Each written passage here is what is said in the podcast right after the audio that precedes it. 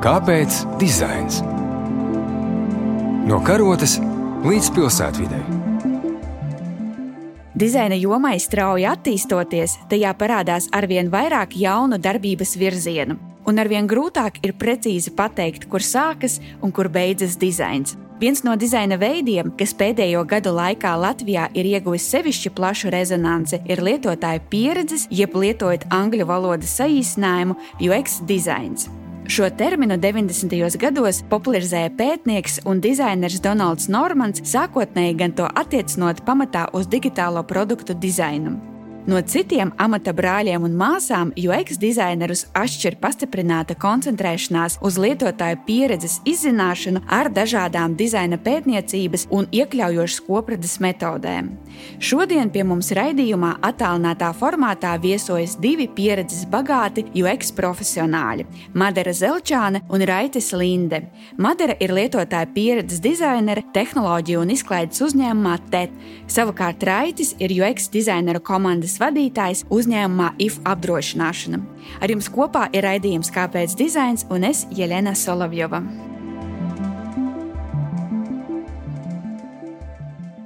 Es esmu Madara Zaučāna, lietotāja pieredzes dizainere. Dizaina jomā strādāju un mācos jau diezgan ilgi. Bet, kas man tiešām uzrunā un ko es mīlu, ir šis lietotāja pieredzes dizains, jo es tam redzu tādu pievienoto vērtību un ilgtermiņa domāšanu un patiesu vajadzību izzināšanu un risināšanu. Tas arī ir tas galvenais, kas man piesaista un uzrunā. Raitis Linde. Šobrīd palīdzu augt attīstīties un eh, darīt labi savu darbu lietotāju pieredzi dizaina komandai IF apdrošināšanā. Un eh, mana vēsture ir informācijas tehnoloģija dizains un dizaina domāšanas process.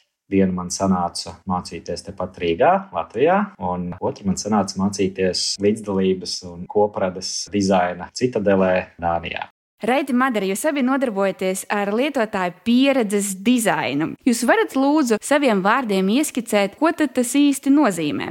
Kas ir lietotāja pieredzes dizains? Lietotāja pieredzes dizains ir um, lietotāja pieredze, iedarbojoties ar visiem produktiem, pakalpojumiem, ko mēs ikdienā lietojam. Nu, piemēram, aplikācijas vai weblapas, vai tikpat labi dažādas sarunas ar uh, pakalpojumu sniedzējiem. Mēs kā dizaineri tad uh, rūpējamies par to, lai šī pieredze būtu pēc iespējas labāka, ērtāka un saprotamāka. Tieši tā, jā, kā Madara teica, ikdienā lietojam dažādas lietas. No lielākā daļa no mums ir leduskapis mājās, televizors, lietojam bankomātus, datorus. Ejot uz pastu, mēs lietojam rindas automātu. Principā, ja mēs tā sevi pavērojam, tad lietojot katru no šīm lietām, rodās kaut kāda pieredze. Dažreiz viņi ir apzināti, dažreiz viņi rada kaut kādas emocijas, patīkamas, nepatīkamas, stresu, trauksmu, prieku, drošību. Bet dažreiz mēs esam tik ļoti pieraduši pie šīm lietām, ka mēs šo pieredzi nu, nejūtam. Bet tas, kā katra no šīm lietām lietām ir veidota, tas tiešā veidā ietekmē šo pieredzi. Un, kā jau Madara teica, tas ir tas, ko mēs, lietotāju pieredzes dizaineri, arī darām. Mēģinām panākt to, ka eh, lietotāju pieredze tiktu veidota ar vien apzinātāk. Es domāju, ka daudziem lietotāju pieredzes dizains saistās tieši ar digitāliem pakalpojumiem.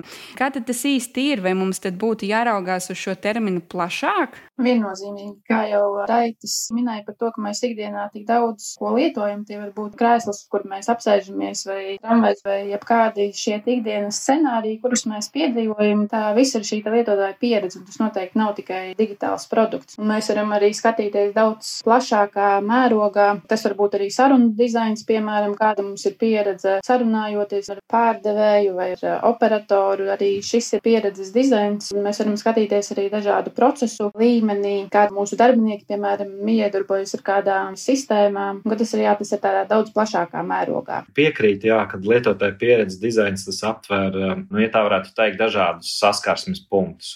Mūsdienās tā ir sanācis, ka nu, šķiet, ka vairums lietotāja pieredzes profesionāļu strādā vairāk saistībā ar digitālajiem pakalpojumiem. Nu, tā nu tas šajā industrijā sanācis. Digitālo pakalpojumu sprādziens, jaunas profesijas, kas radās, un lietotāja pieredze dizains droši vien ir viena no profesijām, kas saistās tieši ar šo digitālās pasaules daudzveidības pieaugumu, lielo lomu mūsu ikdienā. Ja mēs skatāmies kaut uz tiem pašiem digitālajiem pakalpojumiem, nu, paņemsim par piemēru naudas pārskaitīšanu no bankas. Varētu likties, ka tas ir viens digitāls produkts, bet, ja mēs paskatāmies uz pilnu pieredzi kopumā, tad mēs to varam darīt ļoti dažādos kontekstos. Mēs varam ar mobilo telefonu būt tramvajā un veikt pārskaitījumus vai veikt rēķinu apmaksu. Mēs varam paskatīties, cik mums naudas ir kontā un turpināt pārskaitījumus no datora mājās vai arī mēs varam lūgt palīdzību mazbērniem vai draugiem. Pat ja mēs skatāmies šaurāk tikai uz digitālajiem pakalpojumiem, tur apakšā ir ļoti daudz saskarsmes punktu, kas ir arī nedigitāli, kas saistās ar attiecībām. Un, kā jau Madara minēja, tas ir attiecīgi vai nu tehnoloģijām vai citiem cilvēkiem. Tas viss ietekmē lietotāju pieredzi. Jā, liekas, tas ir tieši tas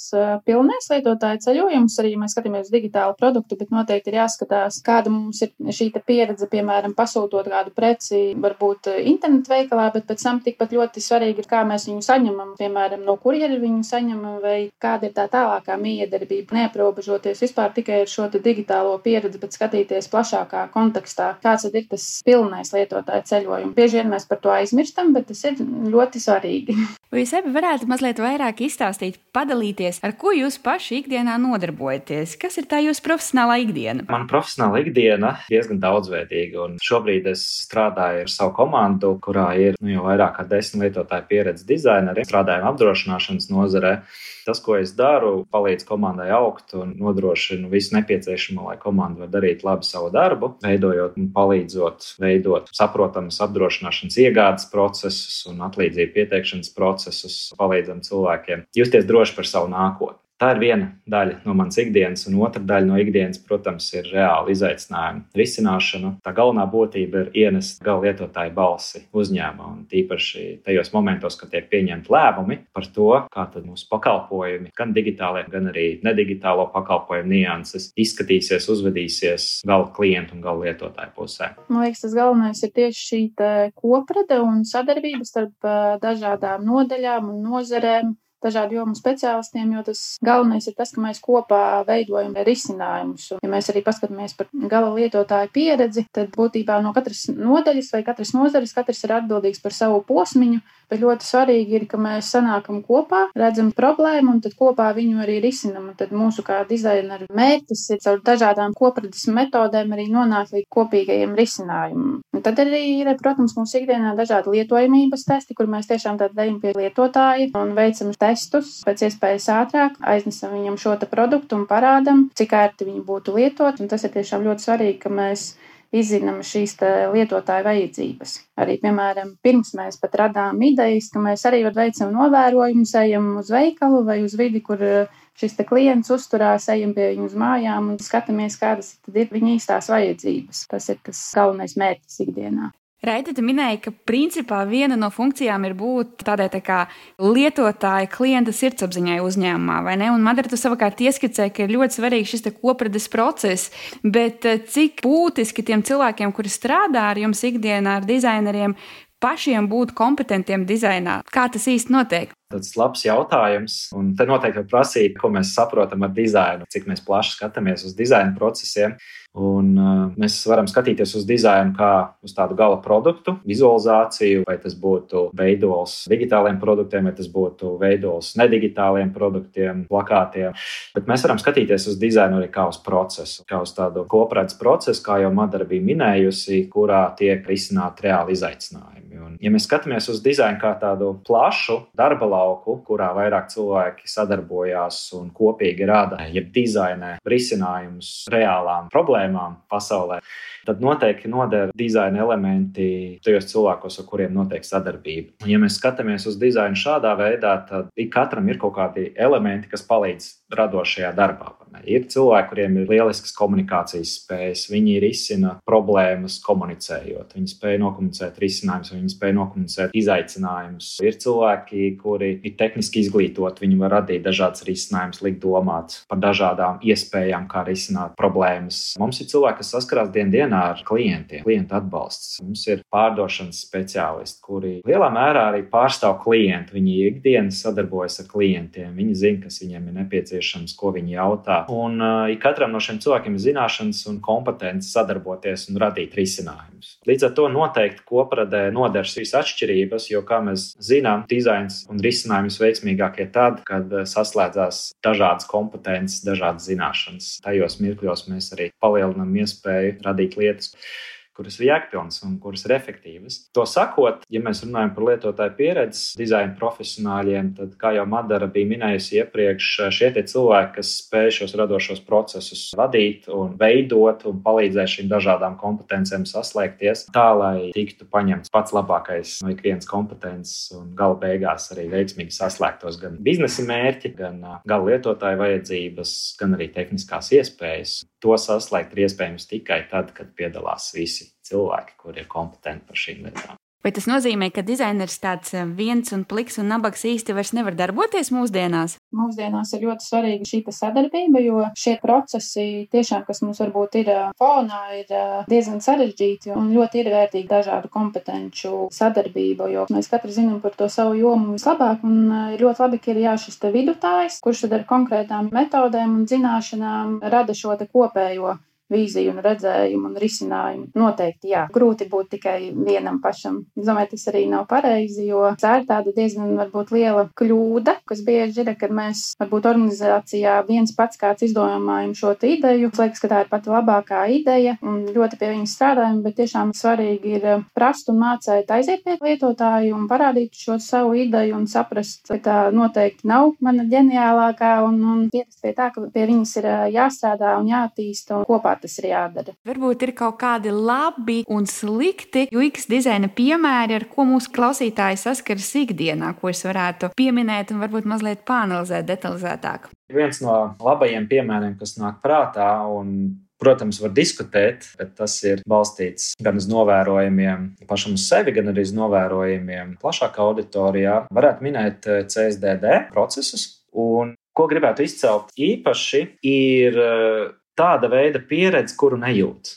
Nereti industrijā var runāt par labu kvalitātes latiņu, tad, ja procesus, produktus, pakalpojumus nejūt. Ja viņi vienkārši ir, viņi ir ērti, viņi izpilda gala lietotājiem funkciju, un ir tāda sajūta, ka eh, CSDD procesi tuvinās uz to, sākot no plašās autostāvvietas, kur parasti pietiek vieta, kur apstāties, līdz pat skaidrai vietai, kur ir jāiet, līdz pat eh, skaidri novietotam rindu automātam, kur var saņemt savu rindas numuriņu, līdz pat arī instrukcijām, ko darīt tālāk. Katrā katrā saskarsmes punktā. Respektīvi, visā šajā pieredzē ir tāda sajūta, ka tā pieredze tiek mērķiecīgi apzināti vadīta. Cilvēkam nav jāstāv uz vietas un jādomā, ko nu man tagad darīt. Atejot no kases, vienmēr ir laipni paskaidrots, uz kuriem vārtiem ir jābrauc. Tas tās mazās lietiņas, kas sasniedz lielu efektu un veido šo labo pieredzi. Teiksim, tādā nedigitālā vidē, arī digitālajā vidē var minēt labs piemērs no tā paša CSDD, cik ērti pārrakstīt automašīnu, izmantojot tikai mobilo telefonu vai datoru. Tas ir viens no labajiem piemēriem, kas eh, nāk prātā uzreiz. Piekrīt, ka uh, tie ir tie procesi, tie var būt arī pilnīgi ikdienišķi scenāriji, kuri mums tiešām uh, nesagādā nekādas grūtības un ir uh, plūdeni. Jo um, tā sliktā pieredze lietotāji sākas tad, kad mēs tiešām varbūt kādus vienkārši ikdienišķus procesus nevaram izveikt tā, kā mēs esam vēlējušies. Man ir varbūt tev ir kāds pozitīvs piemērs, kas nāk prātā. Nebūs Latvijas piemērs, bet ļoti labs ārzemju piemērs ir šis uh, GoUK piemērs, kur tiešām ir arī vesela lietotāja dizaineru pieredzes, dizaineri ir strādājuši, kur ir apkopoti šie mūsu valsts iestāžu pieteikumu procesi un vienādot, un tas ir tiešām ļoti labs tāds piemērs, uz kuru arī mums tiek atcerēties, ka eh, šī pieredze dažādos līdzīgos pakalpojumos ir vienāda, un arī tas būtu ļoti svarīgi pašā uzņēmumā. Bieži vien mēs varbūt vienu pakalpojumu piesakot, mums ir pavisam cita pieredze, bet citu pakalpojumu piesakot ir atkal cita pieredze, tāpēc ir ļoti svarīgi arī skatīties šo vienādo lietotāju pieredzi. Mums būtu savā starpā arī ļoti jāsinhronizējas gan kā dizaineriem, gan kā uzņēmumam, lai nav tā, ka vienu uzņēmumu ietveros gala lietotāju sajūtas tā, ka viņu varbūt apkalpo pieci dažādi uzņēmumi. Svarīga šī sadarbība un sinhronizēšanās savā starpā. Jūs esat pieminējuši jau daudzas ārkārtīgi svarīgas lietas un pozitīvos aspektus, ko lietotāju pieredzes dizainers var ienest um, institūcijā vai organizācijā, bet kā jums liekas abiem, cik Latvijā šīs institūcijas, gan privātais sektors, gan publiskais sektors, ir gatava uzņemt savā komandā dizaineru un mēģināt šīs dizaina metodas izmantot praksē?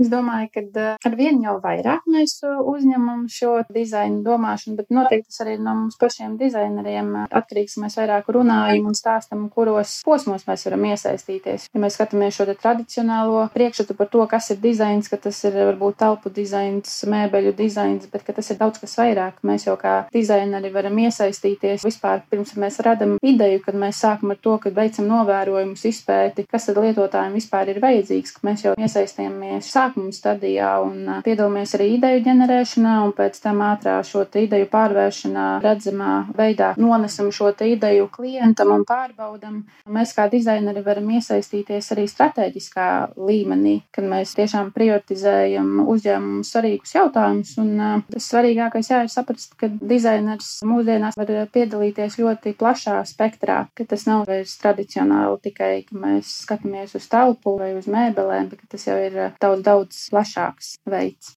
Jā, no tā, ko es varu piebilst, tas, ka mums kā patērētājiem, kā lietotājiem, pasaule kļūst daudzveidīga.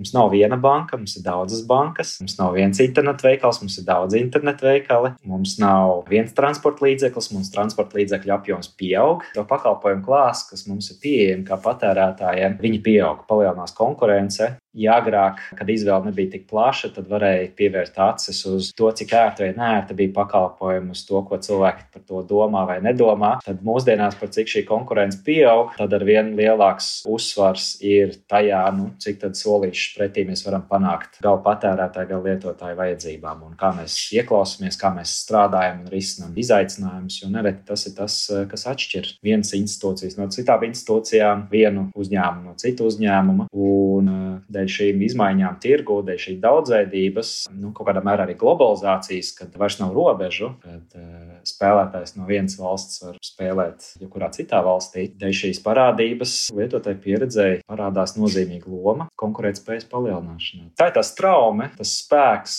kas uh, liek uzņēmumiem un institūcijām kļūt gatavākām šāda profesionāla speciālista uzņemšanai savā lokā. Reiti, tu pirms tam minēji, ka labs dizains ir tas dizains, kas nesagādā mums galvas sāpes sāpes un ko mēs nereti pat nejūtam. Vai tas nozīmē, ka labs dizains ir neredzams dizains? Labs jautājums. Arī atkarīgs no konteksta. Un mēs, protams, varam runāt par procesiem, pakalpojumiem, kam jābūt maksimāli vienkāršiem, ērtiem, un tas ar visu interesēs. Gan lai mazāk būtu operatīvās izmaksas no uzņēmuma institūciju puses, gan arī ērtāk lietotājiem. Tad mēs varam runāt nezinu, par ikdienas deklarācijas iesniegšanu vai tās pašas deklarētās dzīves vietas maiņu vai ko citu. Bet ir atsevišķi konteksti, kur mēs savukārt gribam padarīt dzīvi varbūt drusku grūtāku gal lietotājiem. Tad mēs varam runāt par apmācībām, mēs varam runāt par spēlēm. Tā kā ir konteksti, kur nu, tādi apzināti veidot sarežģījumi var sniegt gandarījumu, prieku, var likt cilvēkiem kaut ko iemācīties. Viss ir atkarīgs no konteksta, kādā mēs strādājam. Dažreiz tiešām dizainam jābūt neredzamam, dažreiz savukārt mēs gribam, lai lietas būtu redzamas un varbūt pat nedaudz izaicinošas.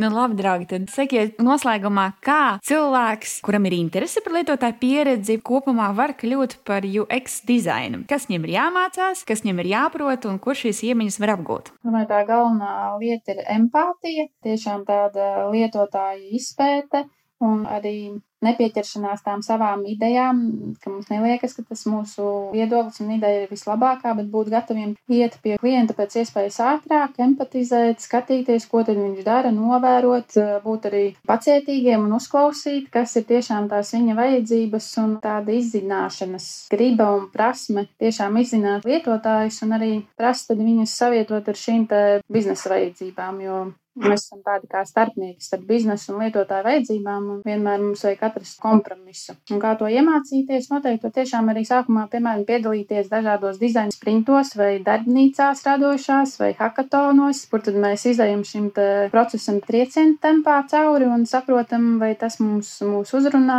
Jā, skatīties no tādiem reāliem piemēriem, un tas ir pašam jāizmēģina. Nevis tā, ka mēs izlasam tagad, ka mums ir jāveic intervijas, bet tiešām vienreiz pašam iziet cauri visam procesam un uh, tad mēs sapratīsim, kurš šī procesa posms mums visvairāk pašiem patīk. Varu absolūti tikai piekrist, jā, nu, kāds liels starptautisks uzņēmums minēja, fokusējies uz gala lietotājiem vispārējais sekos. Un man liekas, ka ļoti līdzīgi ir arī attiecībā uz tiem cilvēkiem, kas grib šajā nozarē strādāt. Cilvēki ir dažādi, es zinu cilvēku šajā nozarē, kam ir tehniskas izglītības, biznesa izglītības, dizaina izglītības, bet eh, tas, kas viņus vieno, ir tā vēlme iekāpt gala lietotāju kurpēs un izmantot visas savas kompetences, lai lietotājs pārstāvētu tajā kontekstā, kurā viņi strādā. Fokus uz gala lietotājiem vispārējais sekos. Paldies, dārgie viesi, par eh, jūsu klātbūtni un vērtīgo sarunu. Paldies arī mūsu klausītājiem par kopā pavadīto laiku. Būsim vērīgi pret eh, mūsu pieredzi un apkārt esošo dizainu, kā arī prasīgi pret produktu un pakalpojumu izstrādātājiem. Uz tikšanos! Kāpēc dizains? No karotes līdz pilsētvidē. Pirmdien, 9.5. ar atkārtojumu sestdien, 18.18. 18.